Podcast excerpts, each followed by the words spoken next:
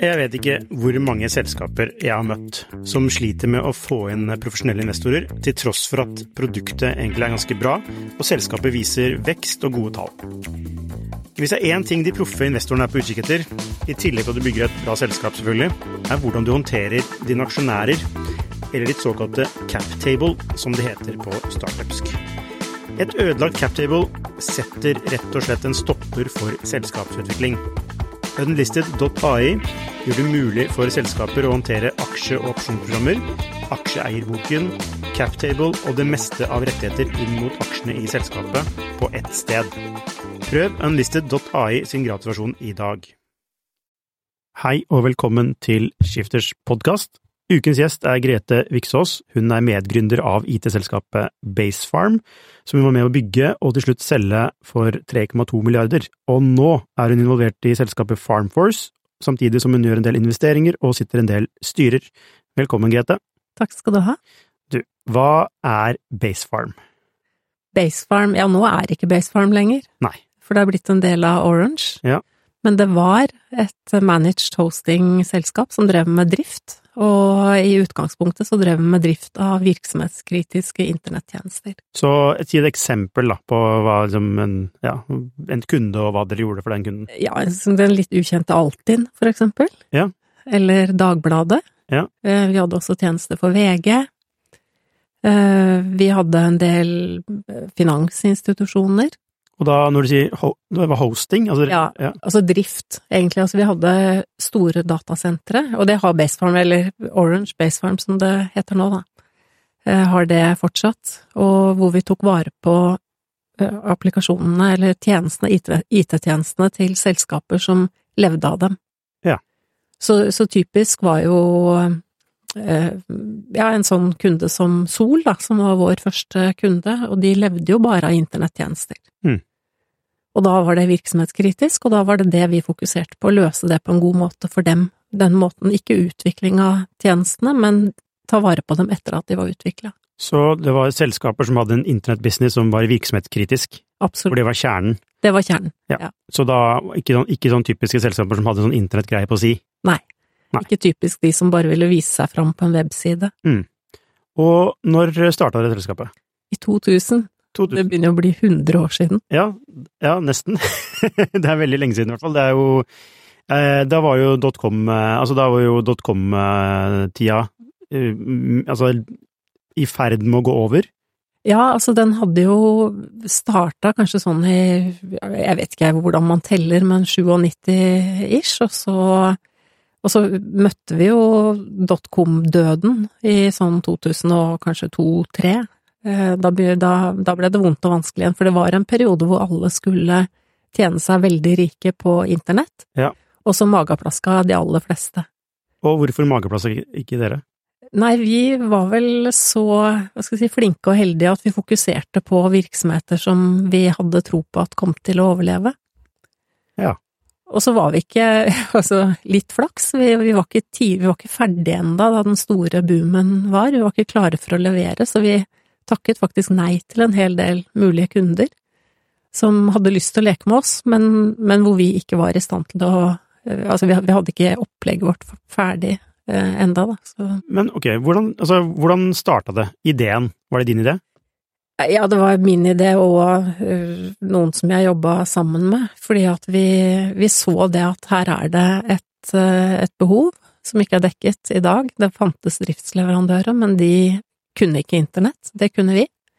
Så vi så at det var et behov der, det var et vindu i markedet som var åpent. Og vi, unnskyld, jeg må avbryte deg, men det, du sa dere jobba sammen. Hvor jobba dere sammen? da jobba vi sammen i noe som het uh, in, uh, in, Internett? Info, nei, Infostream ASP het det på den tiden, da. Ja, og, var- og hva var det for noe? Det var et selskap som var eh, slått sammen, eller det var kjøpt ut av opprinnelig fra, fra Sol, altså så, så dette kom fra Sol-miljøet i utgangspunktet. Mm. Scandinavian Online? online, online. Scandin ja, Scandinavian Online eh, i utgangspunktet, og så eh, etablerte vi et selskap som het Solsystem, som jeg var leder for, eh, og så ble det solgt til et selskap som het Infostream, som ble solgt til et selskap som het Integra, og som skulle gjøre masse rare ting som ikke jeg hadde noe tro på.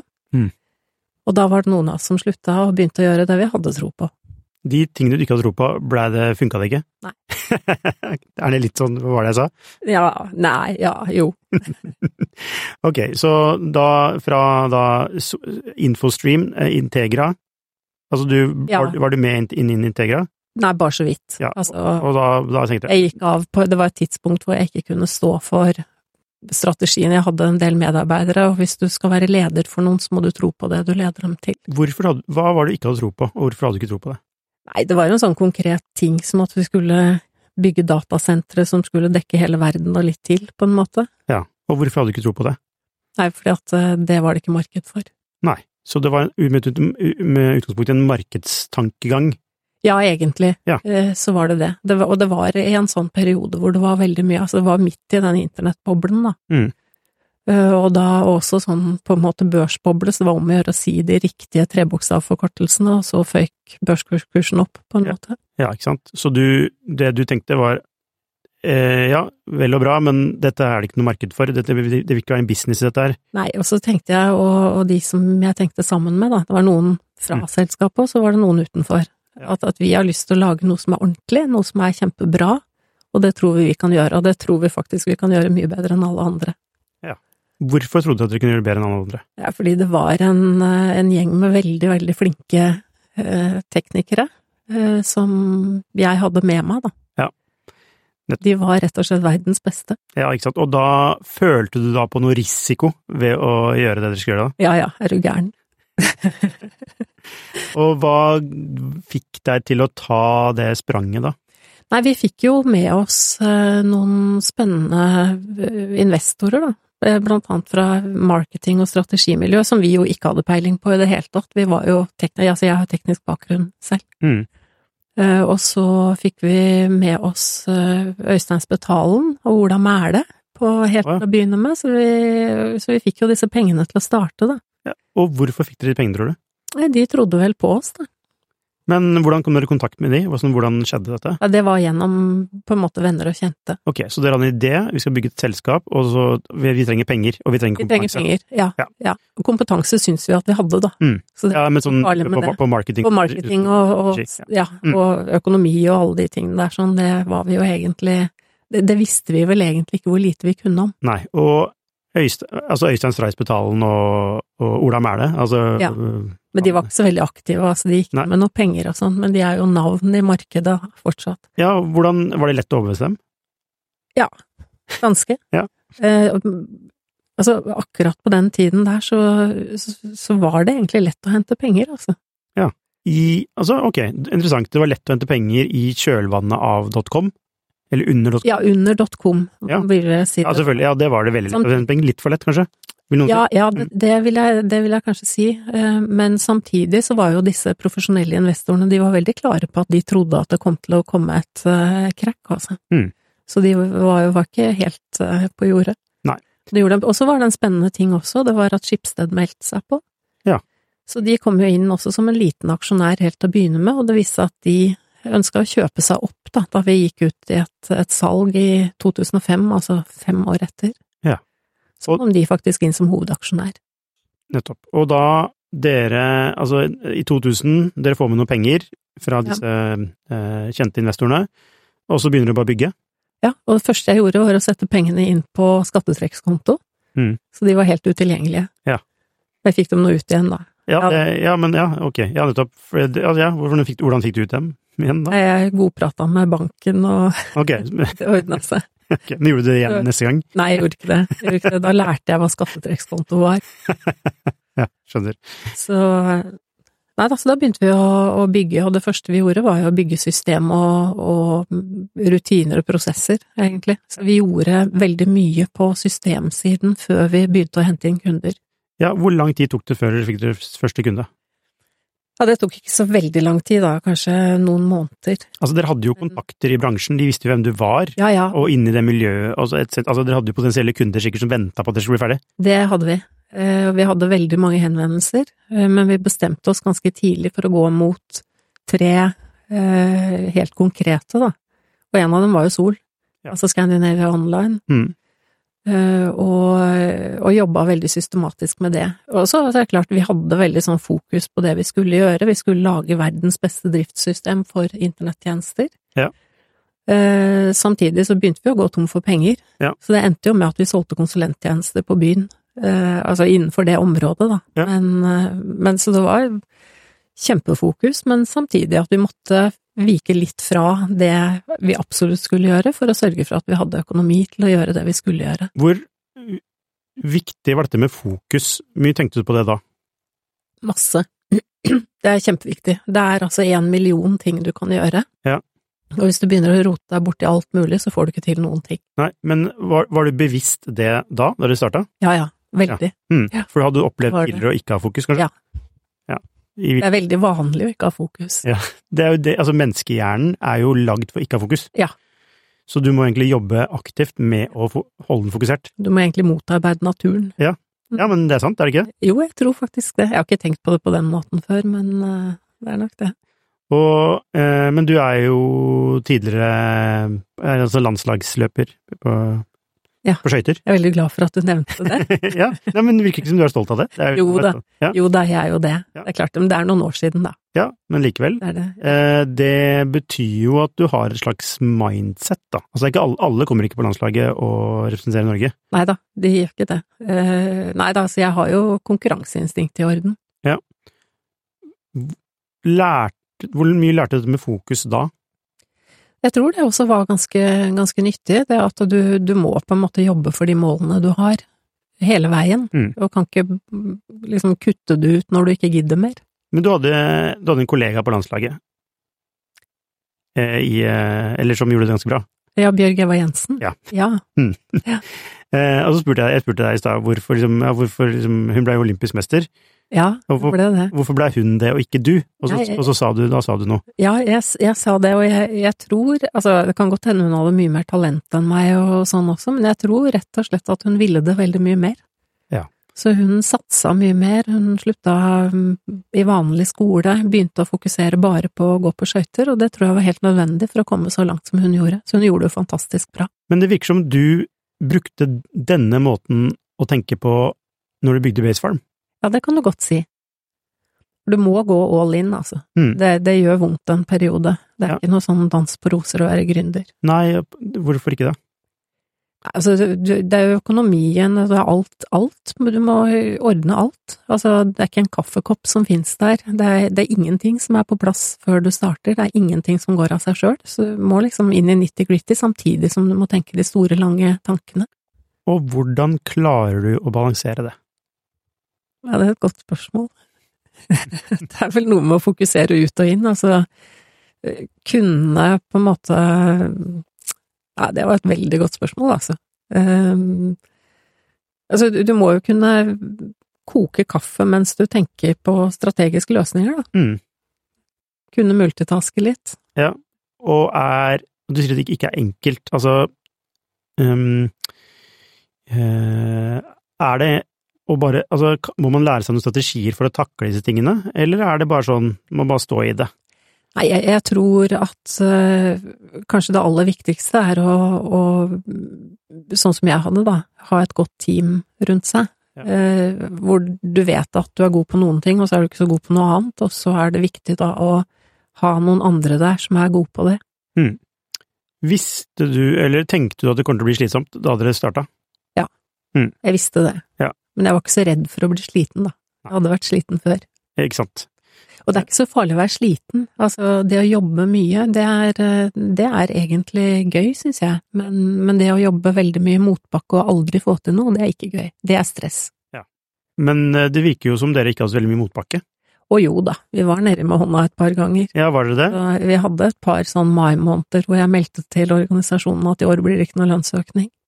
Nei. Ikke lønnsøkning, men det blir lønn. Ja, det blir lønn. Ja. Ja, det fikk vi til. Heldigvis, hele tiden. Ja, flere dere, altså, man kan jo, altså, dere, dere kunne jo alltids jobbe som konsulenter. Dere hadde jo Ja. ettertraktet kompetanse. Ja da, vi hadde, og vi gjorde også det, Mm. eh, til dels, altså. Ja. Vi, vi var nødt til det for å Men var det noe som holdt deg våken om natta?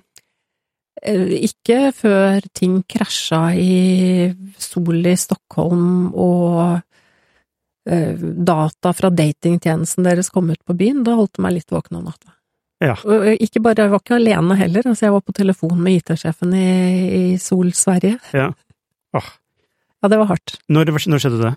Ja, det, det må vel ha vært i 2003 eller noe sånt, tenker jeg. Ja, Så første kunde er Sol, eh, og så hvilke andre kunder? Ja, de var faktisk ikke første kunden. Eh, vi hadde noe som het Ungdomsportalen eller noe sånt, som var den aller første som faktisk drev med streamingtjenester. Ah. Eh, og så hadde vi noe som het E-Line Group.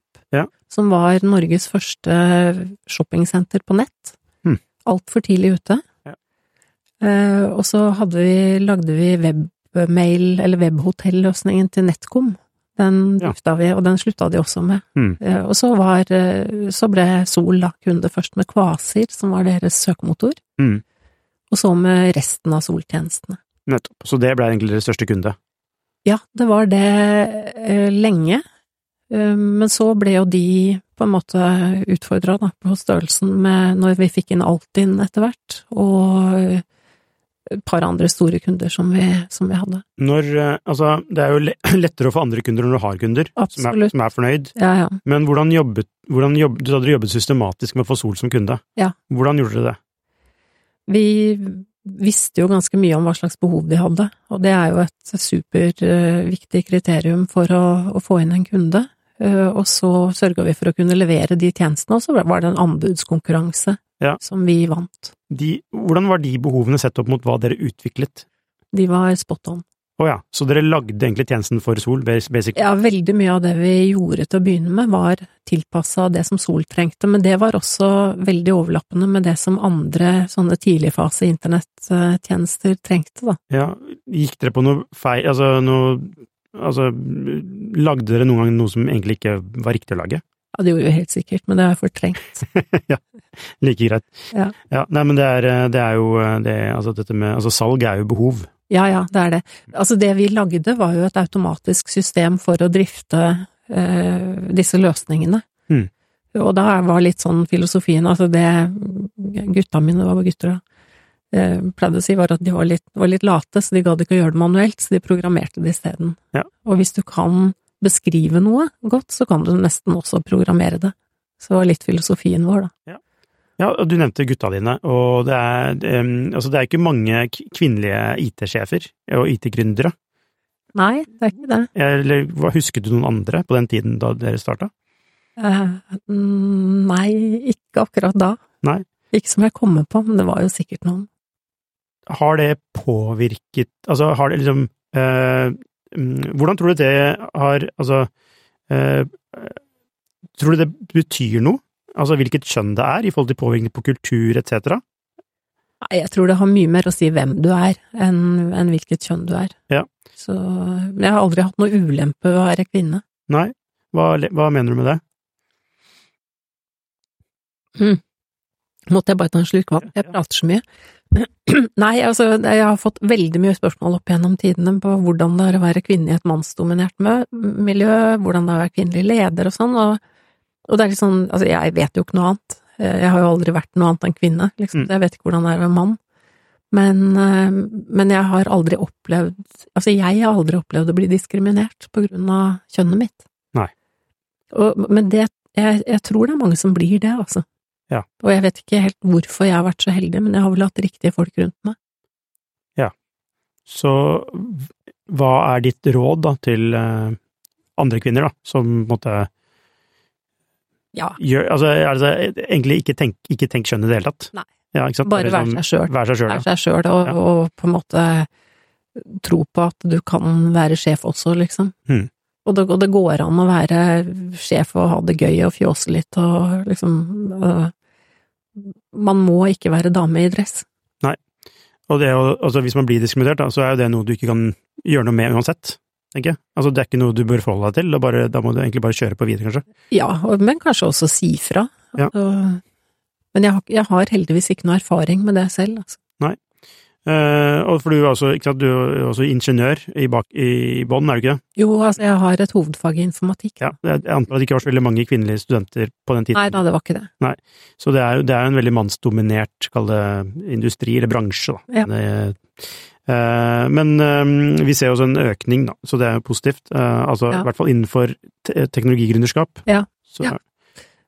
Ja, da, og hvis neste spørsmål er hvordan skal vi få flere kvinnelige ledere innenfor teknologibedrifter, så er vel egentlig svaret at vi må starte med utdanningen.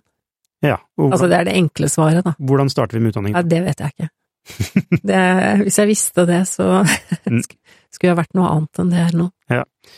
Ok, så, men uh, dere har da Sol som største kunde, det er rundt 2003-2004, men i 2005 så nevnte du at det var et salg. Da begynte de opprinnelige investorene, som var blant annet de profesjonelle, men også noen sånn friends and family, da. Eh, De begynte å få lyst til å få igjen pengene sine, så vi gikk ut i en auksjonsprosess. eh, Og hadde en del eh, interessenter, men så endte det med at Skipsted, som da allerede var inne med en sånn litt 14% andel eller noe sånt, og snudde seg rundt i siste øyeblikk og sa at ja, men vi, vi tar det, vi. For de så det, men det var jo en ikke-strategisk eh, satsing for, for Skipsted, men de syntes det var spennende å være der og følge med på det som skjedde på teknologiområdet, da, innenfor internett på den tiden. Men Skipsted hadde vel en eierandel i Sol, hadde de ikke? Jo, de hadde solgt den på det tidspunktet, da. Ja, nettopp. Og hvordan, hva betydde det for Sol da? Nei, det betydde ingenting. til. Ingenting. Nei, Så Skipsted var inne, var det en bra eier? Ja, absolutt. Kjempebra. Flinke folk og ja, øh, veldig bra. Ja, og hvor, men dere eide fortsatt, det var ikke sånn dere solgte ikke hele selskapet? Nei da, vi eide altså jeg husker ikke hvordan disse eierne Altså, det ble jo sånn vi hadde ganske store eierandeler til å begynne med, vi som starta det. Vi eide kanskje 80% eller noe sånt nå, og så ble vi jo vanna ut gradvis, men så ble jo denne kaka mye større også. Ja. Og så var det også et, eh, et prinsipp hos oss at vi hadde like mye, vi som starta det, og så tok vi inn alle nye ansatte, de fikk opsjoner. Hmm. Sånn at, eh, at vi sørga for at det var mange som var med og delte den kaka, når den til slutt ble på 3,2 milliarder, da. Ja. Vel å merke minus, minus gjeld og minus minus. Minus, minus, ja. Ja. ja. Fordi det var uh, i 2017-2018? 2018, 2018, Ja. så solgte dere til uh, Orange. Orange. Um, og, men uh, ja, hva skjedde i de ti årene imellom? Det var nesten 20 år, ja. Fem, ja, ti år, ja. Ja, stemmer det. Du Ja, litt eller telle tolv det. tolv år. Ja. Ja, ja, ja. 13, ja. Eh, Nei, vi utviklet jo selskapet fra å Vi var jo ingenting da vi begynte, og så vokste vi godt hele veien. Det var en periode vi vokste med en ansatt i måneden, sånn i snitt. Så gjorde vi noen oppkjøp. Eh, Vi starta Vi, vi kjøpte blant annet eh, vår tidligere arbeidsgiver, Infostream ASP. er ikke det litt kult? Jo da, det var veldig kult, og det var jo supermatch. Altså, det var Da fikk jeg alle hjem til mor, på en Mm, måte. ja. Masse flinke folk der også. Og så gjorde vi en organisk oppstart i Sverige, eh, som gikk veldig sakte, men det, går, det er fortsatt der, og det går bra. Mm. Og så gjorde vi et oppkjøp i Nederland, og så gjorde vi til slutt et oppkjøp i, i Tyskland. Det var i 2017, da. Ja. Så Det var litt en aggressiv eh, vekst. eh, ikke så veldig aggressiv, da. Jeg er i selskaper nå som er veldig, veldig mye mer aggressive. Men uh, dette med vekst er jo ofte en uh, hodepine. Ja. Uh, var det det for dere òg? Ja og nei, altså det er jo veldig annerledes å, å drive et selskap med 1000 ansatte, eller 500 var vel omtrent da jeg slutta, da, enn det er å drive et med åtte personer. Ja. Og det er klart én ting der som, som jeg syns var vanskelig og viktig, var det å få med alle. Altså, ikke sant, du har spurt litt om strategi, eh, og det, det å å lage en strategi og liksom vite hvor man skal og sånt, det er for så vidt eh, vanskelig nok.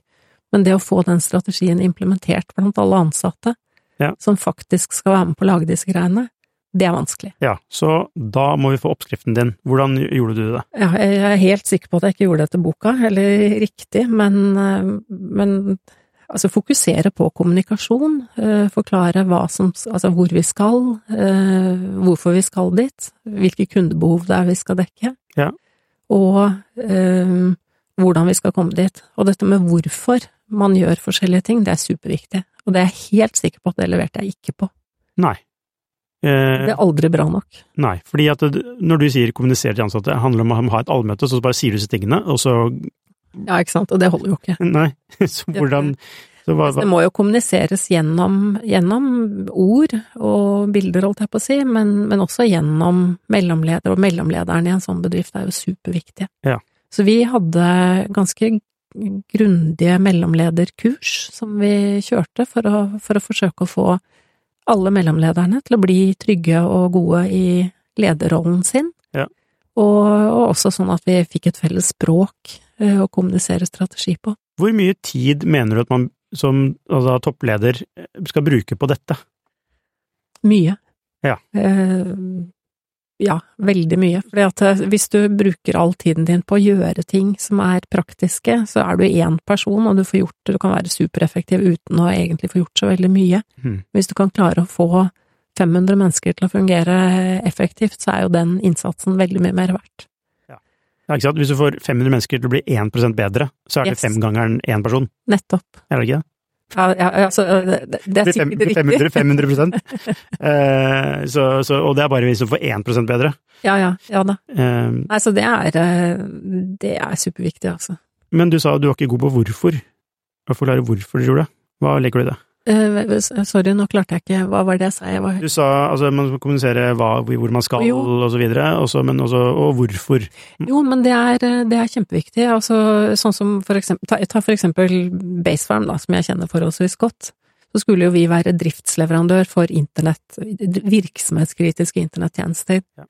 Og det gjorde at vi ikke, vi tok aldri på en PC eh, den gangen. Nå gjør det det nå, da, og det går sikkert bra, for det er blitt mye større og sånn, men eh, Nå skjønte jeg ikke, jeg tok aldri på vi, PC. vi drifta ikke PC-er. Vi var ikke borti PC-problematikk eller brukerproblematikk eller noe sånt, og vi drifta bare internettjenester.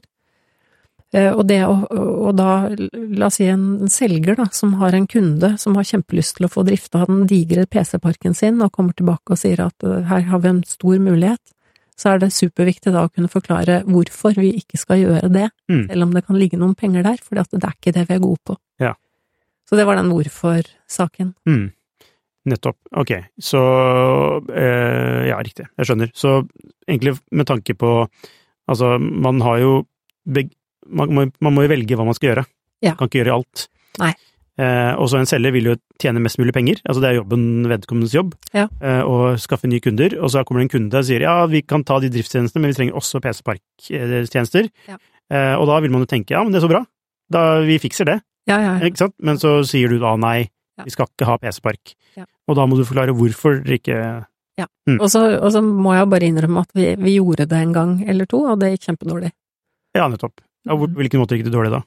Eh, nei, vi, vi klarte ikke å, å holde kundetilfredsheten oppe, Nei. for vi var rett og slett ikke så gode på det. Nei, ikke sant? Og hvis det ikke er det Mm. dere, dere gjør, så er det jo ikke det dere gjør. Nei, det er, det er nettopp det. Mm. Og det er klart, altså kundetilfredshet er jo super eh, Nå har jeg sagt superviktig mange ganger, men, eh, men det er jo det man lever av. Så hvis, man måtte velge mellom kundetilfredshet og kommunikasjon, Oi. Eh, Jeg tror det henger litt sammen, Ja. faktisk. Mm. Eh, For det, altså kommunikasjon er jo også kjempeviktig i, i kundesammenheng. Du kan si, det er ikke helt naturlig for en tekniker som har fått et digert problem å løse, å tenke på at han samtidig skal holde kunden i hånda og Mm. hva han driver med, for det forsinker jo bare prosessen. Ja. Men så er det for kunden, da, som sitter der og venter og ikke aner hva som skjer, så er det jo veldig nyttig å få greie på at nå er det faktisk noen som jobber med det, nå har vi kommet så langt. Ja. Så, så kommunikasjon er jo en stor del av kundetilfredshetsarbeidet. absolutt. Hadde dere ekstra fokus på kundetilfredshet? Det hadde vi, det målte vi fra dag én. Nettopp. Mm. Hvordan målte dere det? Vi lagde en survey som vi sendte ut med hver eh, ja, tiende forespørsel fra en kunde eller noe sånt nå, på Mm. support. Hvor fornøyd var du med denne saken? Og så noe om hvorfor, altså bakenforliggende spørsmål. Mm. Altså på support, så noen som hadde problem, eh, tok kontakt med dere, vi har et problem, og hvert tiende sånt problem som ble løst, da, forhåpentligvis, Ja. så sendte dere en survey hvordan eh, Ja, og, og problem da i, i den betydningen at problem kunne også være et ønske Mm. om å få gjort noe, så, så det gjorde vi. Og så gjorde vi i tillegg dybdeundersøkelser av de største kundene våre. Ja. Altså, jeg husker jeg hadde Altså, på i Skifter, så vi lanserte jo eh, altså abonnement på Skifter, og da Ja, da begynte vi plutselig å selge. Eh, selge, og da Ja. fikk vi jo kunder. Ja. Eh, og det er ikke alle som er fornøyd. Jeg vet ikke hvor mange selskaper jeg har møtt som sliter med å få inn profesjonelle investorer, til tross for at produktet egentlig er ganske bra, og selskapet viser vekst og gode tall. Hvis det er én ting de proffe investorene er på utkikk etter, i tillegg til at du bygger et bra selskap selvfølgelig, er hvordan du håndterer dine aksjonærer, eller ditt såkalte cap table, som det heter på startupsk. Et ødelagt captable setter rett og slett en stopper for selskapsutvikling. Unlisted.ai gjør det mulig for selskaper å håndtere aksje- og opsjonsprogrammer, aksjeeierboken, captable og det meste av rettigheter inn mot aksjene i selskapet på ett sted.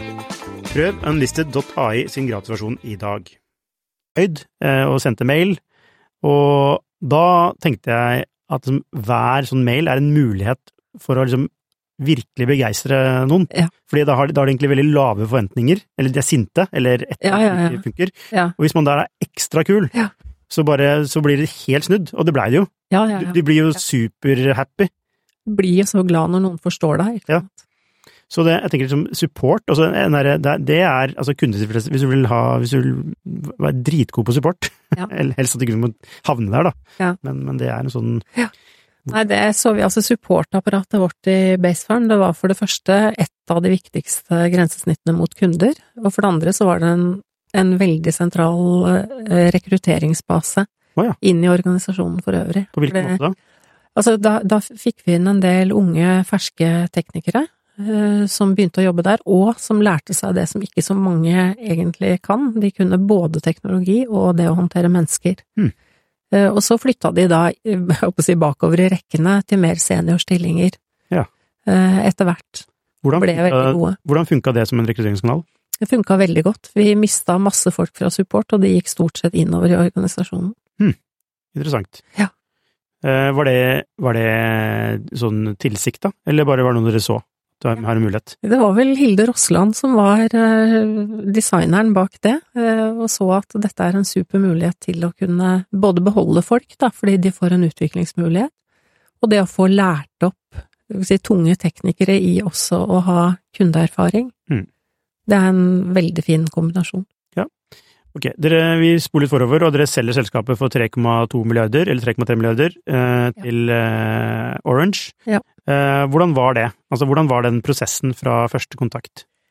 Eh, Det var jo også en prosess som starta med at daværende eiere, altså hovedaksjonærer, da, Abry Partners, som var eh, amerikansk, eh, ville ut av selskapet, og fondet deres var på, i ferd med å gå ut på dato. Så da sendte vi, fikk vi en rådgiver og gikk ut med invitasjon til ganske mange, og hadde en trullion eh, presentasjoner eh, for forskjellige, som endte opp da med at eh, Orange kom med det beste budet.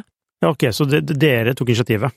Ja. Eller eierne? Eierne, ja, Mm. vi, men vi var jo veldig tett med, da. Var dere, en, enige i det? Ja da. Ja, hvor var det egentlig? Hvis det gikk så bra?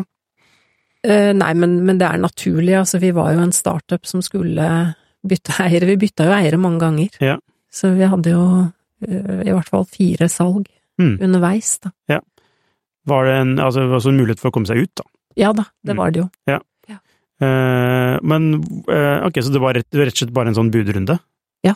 Og så Ja. bare Det var ikke noe Ja, så var det Det Var var det bu budrunde og ja, eh, veldig, hva skal jeg si, en grei prosess. Den tar jo veldig mye tid, og det er jo utrolig ressurskrevende. Og heldigvis på det tidspunktet, så, for da hadde jeg bestemt meg for at nå er, Da hadde jeg vært der i 17 år da vi starta med det. Ja.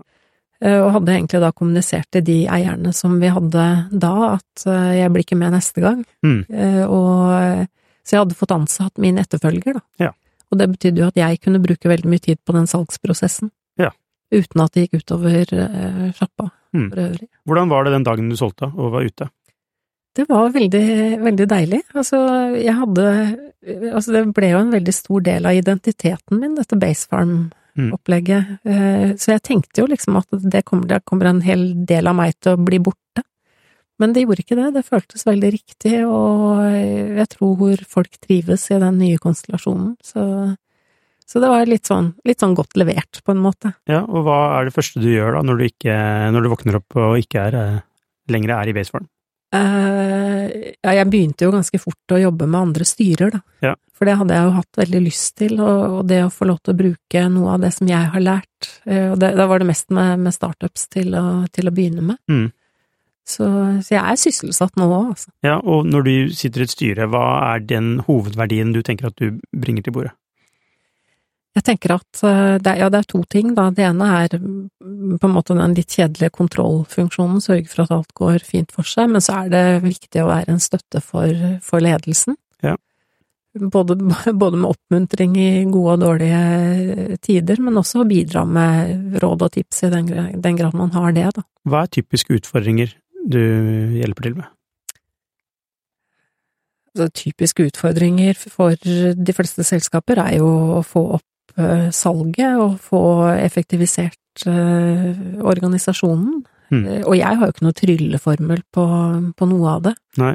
Men, men det, ofte så sitter ledere med svaret selv, altså. Det er bare det å ha en litt sånn bollplank, som de sier i Sverige, til å, å diskutere med. Så, så jeg opplever vel veldig sjelden at jeg sitter med svaret på en løsning som et problem som en administrerende direktør har bala med i månedsvis. Mm.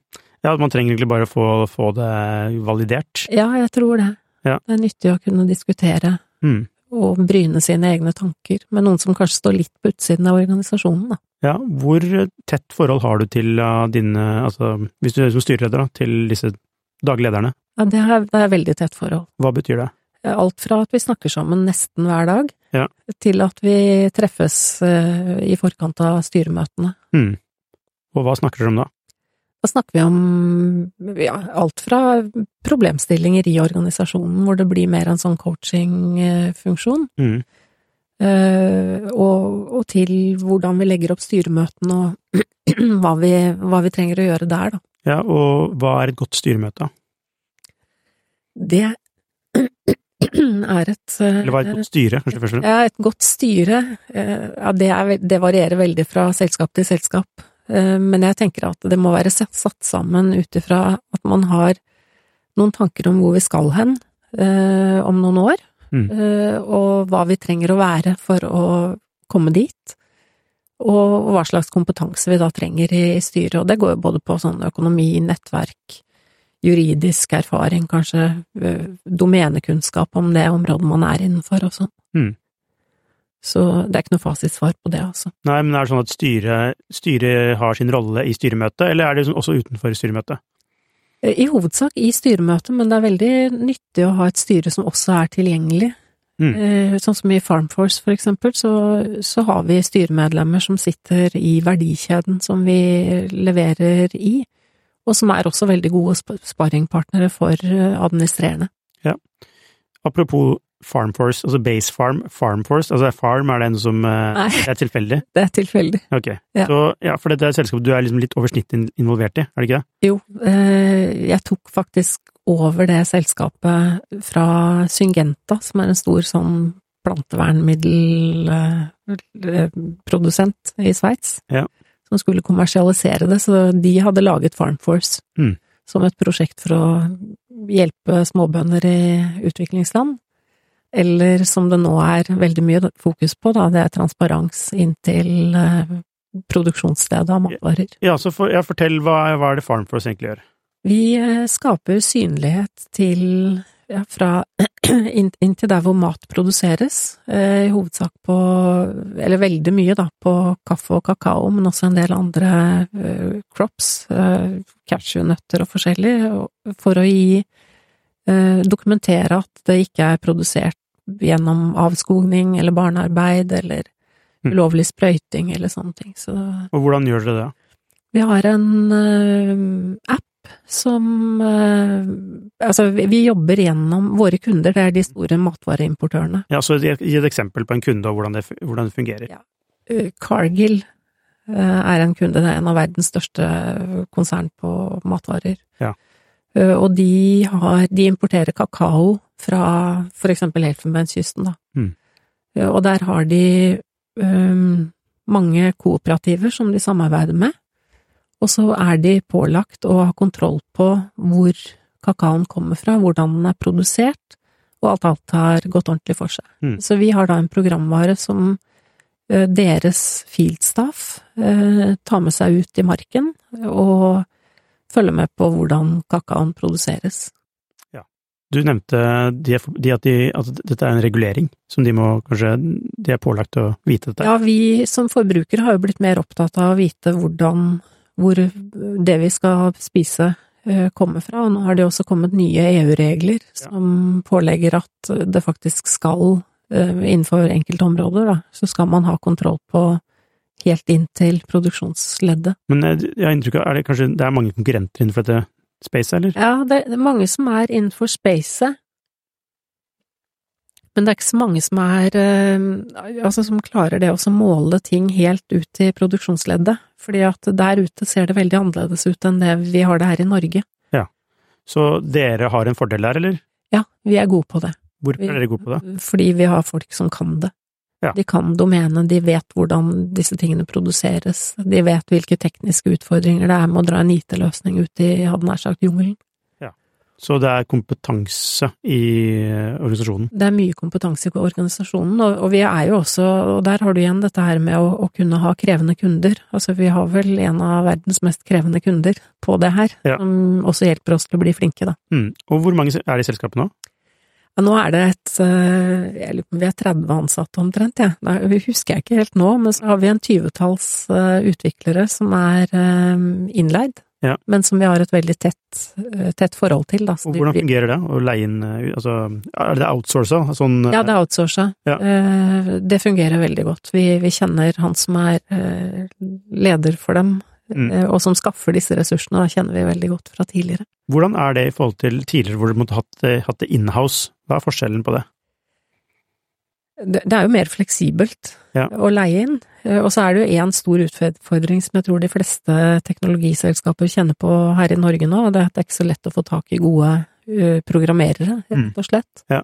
Så, så en av fordelene her er at eh, han Erik, som han heter, han skaffer folk fra rundt omkring i verden som er gode, og han har kompetanse på å evaluere hvor god en programmerer er. Å ja, nettopp. Så det er eh, nettopp, så det, så det er ikke ett selskap i Bangladesh eller i eh, India Nei, nei, nei. eller Ukraina, liksom. Det er Det er et, det er et norsk selskap Ja. som heter Hugintech. Mm. Ikke si det til noen, for at jeg vil ha dem for meg sjøl. Ja. og de, de skaffer, uh, skaffer inn de ressursene vi trenger, rett og slett. De ansetter dem hos seg, og så, uh, og så eh, jobber vi veldig tett sammen som om de skulle være ansatt hos oss. altså. Men hvis man skal eh, outsource dette her, da, hvilket råd har du da til eh, eh, altså, For det er mange, nettopp som du sier, da, det er veldig vanskelig å få tak i eh, altså teknologer eh, Ja. så til å utvikle, så da blir det et alternativ, da. Så hvilke, måte, hvordan unngår man å Drite seg ut. Ja, bokstavelig talt. Jo, nei, jeg tenker at det er det, Du må ha kompetanse internt på å vite hva det er du bestiller, altså. Ja, ja, ikke sant. Du, du kan ikke liksom sette ut bestillerrollen. Nei, så du må ha CTO-en. Ja. ja. Som eh, kan gå god for om det er bra eller dårlig. Ja, ja. Ja. ja. Så det er liksom nummer én. Ja. Ok, og hvordan, eh, og når du skal da finne disse her, hvordan gjør du, hvordan, hvordan Altså, jeg fant jo han gjennom en av kollegaene mine i Basefarm, jeg da. Ja. Så, så jeg, jeg syns veldig ofte det fungerer godt å finne folk gjennom nettverk. Ja, hvorfor det da? Fordi da vet man at noen man stoler på, går god for det, den man velger. Ja, og da de, ikke sant, og de man stoler på, de vil jo ikke sette deg i en vanskelig situasjon. Nei da, de vil jo ikke det. Men, men når, når det er sagt, altså, det er jo, nettverket går jo tomt etter hvert. Så det er jo liksom, det er jo ikke en metode du kan bruke i all evighet. Nei, det skalerer ikke. Nei, nei det gjør den ikke. Nei. Eh, så Farmforce, der er det, hvordan, eh, hvordan ser det ut akkurat nå da? Hva er øyeblikksbildet der? Ja, akkurat nå så vokser vi godt. Det er en SAS-tjeneste. Eh, og vi, vi vokser godt på eksisterende kunder, og vi vokser på nye kunder. Fått noen nye store kunder. Ja. Er noen gode navn. Så har vi fått inn Nå har vi også både Orkla og Norgesgruppen inn på eiersiden, sammen med Investinor. Ja. Vi tjener ikke penger enda, men det har vi ikke hatt egentlig ambisjoner om heller. Eh, Så det er vekst som er, eh, som er målet. Når tjener du penger da? Altså, det kommer litt an på hvor aggressivt vi ønsker å vokse. Eh, Vi kan tjene penger i Altså, hvis vi absolutt vil, så tror jeg vi kan tjene penger i 2025. Mm. Men jeg tror ikke vi skal det, fordi da klarer vi ikke så godt å skalere. Nei. Men altså det vekst, altså nå, det man snakker om nå er jo ofte lønnsomhet, Ja, og mindre grad vekst da. Ja, ja. Hvordan er det å vokse i et, eh, altså, i en atmosfære hvor det handler om lønnsomhet? ja nei, det er jo det vi må, må balansere, da. Så, og der kan vi justere på en, en god del ting, altså. Ja. Så hvis vi absolutt måtte være lønnsomme, så skulle vi kanskje fått det til mye fortere også, men Mm. da stopper vi jo helt. Så vi har jo eiere som er interessert i at vi skal vokse. Men, men de vil også at, at vi har en moderasjon, at ikke vi ja, kaster oss ut i helt ville ting. Vi, vi, snakket, vi var innom det, med dette med kommunikasjon og få med seg folk på å implementere en strategi, men dette med å lage en strategi, altså hvor viktig er strategisk arbeid? Ja, det er jo det, er jo det du styrer etter. Så ja. det, er, det, er, viktig. Ja, var dere flinke på det i Basefarm? Altså, vi, vi, kunne ikke disse strategiske modellene og sånt noe, men, men, vi gjorde jo mye riktig, da. Altså, fordi at vi, vi spurte oss liksom hva er det hvilke kundebehov er det vi skal dekke, eh, og hvordan kan vi gjøre det bedre enn konkurrentene våre? Og det er jo strategi, og så måtte vi gjøre noen valg, og det er jo også strategi. Vi må velge bort noen ting som ja. kanskje kan være gøyalt, eller kanskje lønnsomt og sånn, så… Men smerter det å velge bort? Å ja. Det gjør det. Ja. Fordi det handler vel om å velge bort ting du faktisk har lyst til å gjøre. Ja, ja. ja det gjør det. som, som er det gjør det. Ja. Men så er det sånn i, i alle selskaper, og spesielt i gründerbedrifter, så har man jo begrensa ressurser. Så man er jo nødt til å velge, ellers så blir det bare å smøre ressursene tynt utover og ikke få til noen ting. Hvordan, hvordan foregikk den strategiske prosessen da? Er det sånn eh, man eh, tar et uh, dagsmøte, og så ja, vi gjorde jo ofte det, eller todagers møte, da, hvor mm. vi satte oss ned og så på hvordan ser verden ut nå, ja. Eh, hva har skjedd siden sist, eh, og, og så jobba vi mye med, med typisk eh, si, få kritiske hovedmål, da. Ja. At vi bestemte oss for, og da, da, gjorde vi det så enkelt at vi gjorde en avstemning på hva er det viktigste av det viktige som vi må fokusere på nå. Ja, Og da var det flere mål, eller ett mål? Vi prøvde å få det til å bli tre. Til tre mål? Ja. ja. Klarer dere da å balansere like mye kraft til hvert av disse målene, eller er det noe som Altså, det er jo utfordringen, er jo ikke å utvide disse målene sånn at de egentlig inneholder alt, da. Ja. Mm. Men vi, vi, prøvde på det, og så sagt at da skal vi gjøre det, og det betyr at vi ikke skal gjøre dette. Mm. Husker du hva de målene var? Nei. ja. Og eh, altså, en ting er Vi snakket om altså, ikke sant, dette med strategi, sette mål, eh, og så da uh, dette med å få det implementert, da. Mm. Altså execution. Ja. Hvordan går du fra strategi til at det faktisk At du når det målet? Mm. Og det her, her kommer jo den der kommunikasjonen inn igjen, da. Ja. Altså eh, hvis folk vet hva de skal gjøre og hvorfor de skal gjøre det, så er det ganske lett å gjøre det. Mm. Så utfordringen blir jo da å få det ut i folket. Men hvis de ikke vil gjøre det, da? Ja, da må de slutte. Ja. ja. Mm. Så de vet hva de skal gjøre, og hvorfor de skal gjøre det, og hvis de ikke vil, så er det ut. Ja, eller altså, det er ikke så brutalt, da. Nei. Men det, det, kan jo være noen som syns noe er så dumt at det er verdt å høre på. Ja.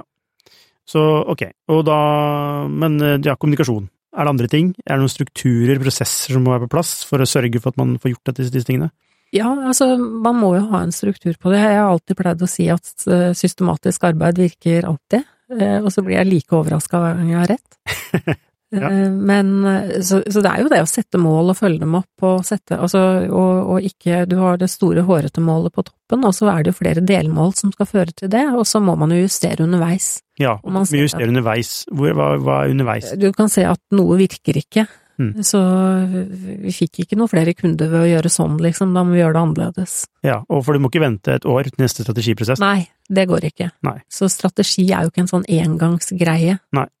Ta, hvor lang tid tar det da, før du ser at noe ikke fungerer? Altså er det sånn et kvartal, setter du noen tidsfrister på det, eller Nei, er det Det kommer helt an på mm. Ja, det er helt umulig å svare på. Ja, det er vel helt kontekstavhengig. Noe ser jeg jo med en gang at det ikke funker. Ja, ja. Og, hvis, ja. funker, og hvis, hvis, du får masse kunder på én ting, så ok, det funka. Ja, ja. Så det er bare å kjøre på. Mm, ok, så eh, dette her er jo både strategi og execution har jo med ledelse å gjøre, men ledelse er også en sånn mer sånn person-til-person-komponent. Mm. Men sånn, hva, hva, er ledelse for deg, da? Ja? Det er et godt spørsmål. Eh, altså, det handler jo om å få mennesker til å dra i takt. Mm. i samme retning. Ja. Uh, og det Og så handler det om å vite hvilken retning, altså, eller å ha evnen til å finne ut hvilken retning man skal i. Jeg har ikke noe tro på Eller det er veldig få ledere, da, som har liksom svaret på alt oppi hodet sitt og bare kan peke ut kursen. Ja. Så det handler jo om å stille de riktige spørsmålene og legge, den, legge strategien eh, som best man kan. Ja. Og så er det jo å få organisasjonen til å uh, jobbe i den retningen. Og hvordan får du folk til å jobbe i den retningen? Ja, det handler jo veldig mye om kommunikasjon, da. Ja. Og handler mye om å, å se folk, og handler mye om å, å bruke folk til det de faktisk er gode til. Når du sier se folk, hva legger du i det? Altså oppdage hvem de er, og høre på hva de har å si, og, og, og sette pris på det de gjør, ikke minst. Hvor flink var du på det? Jeg, jeg tror jeg var ganske flink på det. Ja, altså dette men, For det, da er vi liksom mer med Altså, man går liksom fra struktur, da, det oppe der, altså Mm. regi og struktur, til sånn mer, mer sånn én til én og én til to, altså sånn mer mellommenneskelige ting. Ja. Hvor viktig er del av det, altså ledelse, er det? Altså, for meg er det Jeg er veldig glad i mennesker. Ja. Jeg liker å jobbe med mennesker. Jeg skulle egentlig bli Jeg, jeg tok jo eh, teknisk utdanning, og så, men så fant jeg ut at jeg ville bli lærer, fordi at jeg hadde lyst til å jobbe med mennesker. Mm. Eh, Og så fant jeg jo etter hvert ut at jeg kunne bli leder isteden, det var mye lurere. Ja. Eh, Men utgangspunktet mitt var at jeg liker å, å jobbe med mennesker og få mennesker til å, å fungere sammen, da. Ja. Eh, Og det, men, men så kan det være andre Altså, det er ikke den eneste måten å være leder på. Nei, gjorde du noen feil som leder? Masse. Ja. Kan du huske noe som du bare det, Dette lærte jeg av. Nei, jeg, jeg tror kanskje at eh, den største si, sånn overordnede feilen er å vente for lenge med å, å avtale med noen at de egentlig ikke burde være der lenger hvis det ikke virker. Mm. Fordi det er en ganske vond ting for både den ansatte og selskapet og kollegaene. Ja. Når det er noen som åpenbart ikke fungerer, da. Har, du hatt, har, du hatt, uh, har det vært tilfeller hvor du har ventet for lenge? Ja, Det har det. Hvorfor venta du så lenge? Nei, vi hadde Jeg kan ta Nederland-tilfellet, Ja. som, som ikke leverte, og hvor vi hadde en, en, en sånn earnout-avtale som gjorde at jeg var kjemperedd for å gjøre endringer i ledelsen, for å liksom komme i knipe juridisk på grunn av det. da. Du må forklare. Altså, earnout altså, Earnout, vi vi hadde kjøpt et selskap, og så var det en earnout uh, i tilknytning til det, som skulle gå til uh, daværende leder, da. Ja. Uh, og som ikke leverte. Mm. Eh, og, men da hadde jeg veldig glede av et styre som ga meg mot til faktisk å gjøre det, selv om jeg var litt engstelig. ja, så hva, hvordan løste man det da? Fikk, de en, fikk han eller hun ikke en earnout, eller? Eh, nei. Nei. Eh, vi løste det ved en oppsigelse, faktisk. Ja. Det gikk så langt. Det var faktisk en rettssak i Nederland, og ikke noe gøy. Det var kjempeslitsomt. Ja, det er slitsomt. Ja. Mye tid, og det er ikke noe gøy for Ja, ja. Men det var helt riktig, Mm. eh, og det burde vært gjort før. Ja, Nettopp. Så Mhm. ikke utsett, eh, men gjelder det kanskje flest, de fleste tingene. Ting som er ubehagelige, ikke utsett det, bare ta tak i det. Nei og så er det klart er enkelte, enkelte ting kanskje går seg til, så man vet jo aldri helt, da, men Mm. erfaringen er at eh, hvis du oppdager at ting ikke fun- funker, så gjør noe med det. Hadde du tilfeller også internt i Basefarm som ikke var i Nederland, hvor du måtte eh, avtale at man ikke passet sammen? Ja, det, det, var, det var nok det, men det var ikke Altså, det var jo på mange nivåer i organisasjonen, kan du si, da. Mm. Og Stort sett så gikk jo sånne prosesser ganske fint, for folk var jo, så jo det selv, de trivdes ikke heller. Ja. Har du noen gang hatt noen ledere, eller var det bare leder med en gang? Fra, Nei nei, jeg har hatt ledere, jeg, Ja. Eh, men det er veldig mange år siden. og husker, husker du noe positivt rundt det, og hva var det? Eh, jeg, jeg husker vel noe Jeg husker ikke veldig mye fra det, altså, det må jeg bare innrømme. Og, og en av grunnene til at jeg ble toppleder, var jo kanskje at jeg ikke hadde lyst til å ha noen leder. Nei. Så det var viktig for meg at det var noen som var flinke, og som ikke brydde seg med det jeg gjorde. det jeg skjønner. Det hørtes veldig ille ut. Nei, nei. nei, nei, men det, det er jo eh, Altså, det er ulike motivasjoner for å være leder, eh, Ja. og, og det virker jo som at det handler om at du ville bygge noe, og som er flinke folk. Ja. Enkelt og greit. Absolutt. Altså, det Ja. var det Og det hadde jeg en sånn drøm om veldig tidlig, at jeg, å lage noe sammen med de flinkeste men menneskene i verden. mm. Og det fikk jeg lov til Ja. med Basefarm. Er det noe du angrer på? Ikke som jeg kommer på. Vi skal avrunde, og det jeg lurer på til slutt, er sånn, hvis du skal gi noen råd til eh, andre gründere da, som er eh, up and coming nå, altså hva, hva er din eh, livsvisdom kan du gi til dem? Ja, det blir jo en kombinasjon av livs... Altså, som leder, da, så må du være deg sjøl, du må ikke prøve å være noen andre. Mm. Eh, og så sørg for å få et veldig godt team. Og teamet er alt, og det sier jo egentlig alle, så det er ikke noe sånn spesielt som jeg eh, kommer med. Eh, og så er det viktig også å, å skjønne på en måte logikken og systemet i økonomien. Eh, altså, hva er det som driver kostnader, hva er det som driver inntekter? Så det er en del sånne ting man må kunne, da. Mm. Eh, og nå, altså ikke lag for store drømmer, ikke bruk for mye penger før det begynner å sy... eh, Og det er spesielt nå, da, men jeg syns det egentlig er noe som burde gjelde tidligere også. Eh, Sørg for at det blir en solid bunnrom, bunnlinje så fort som mulig.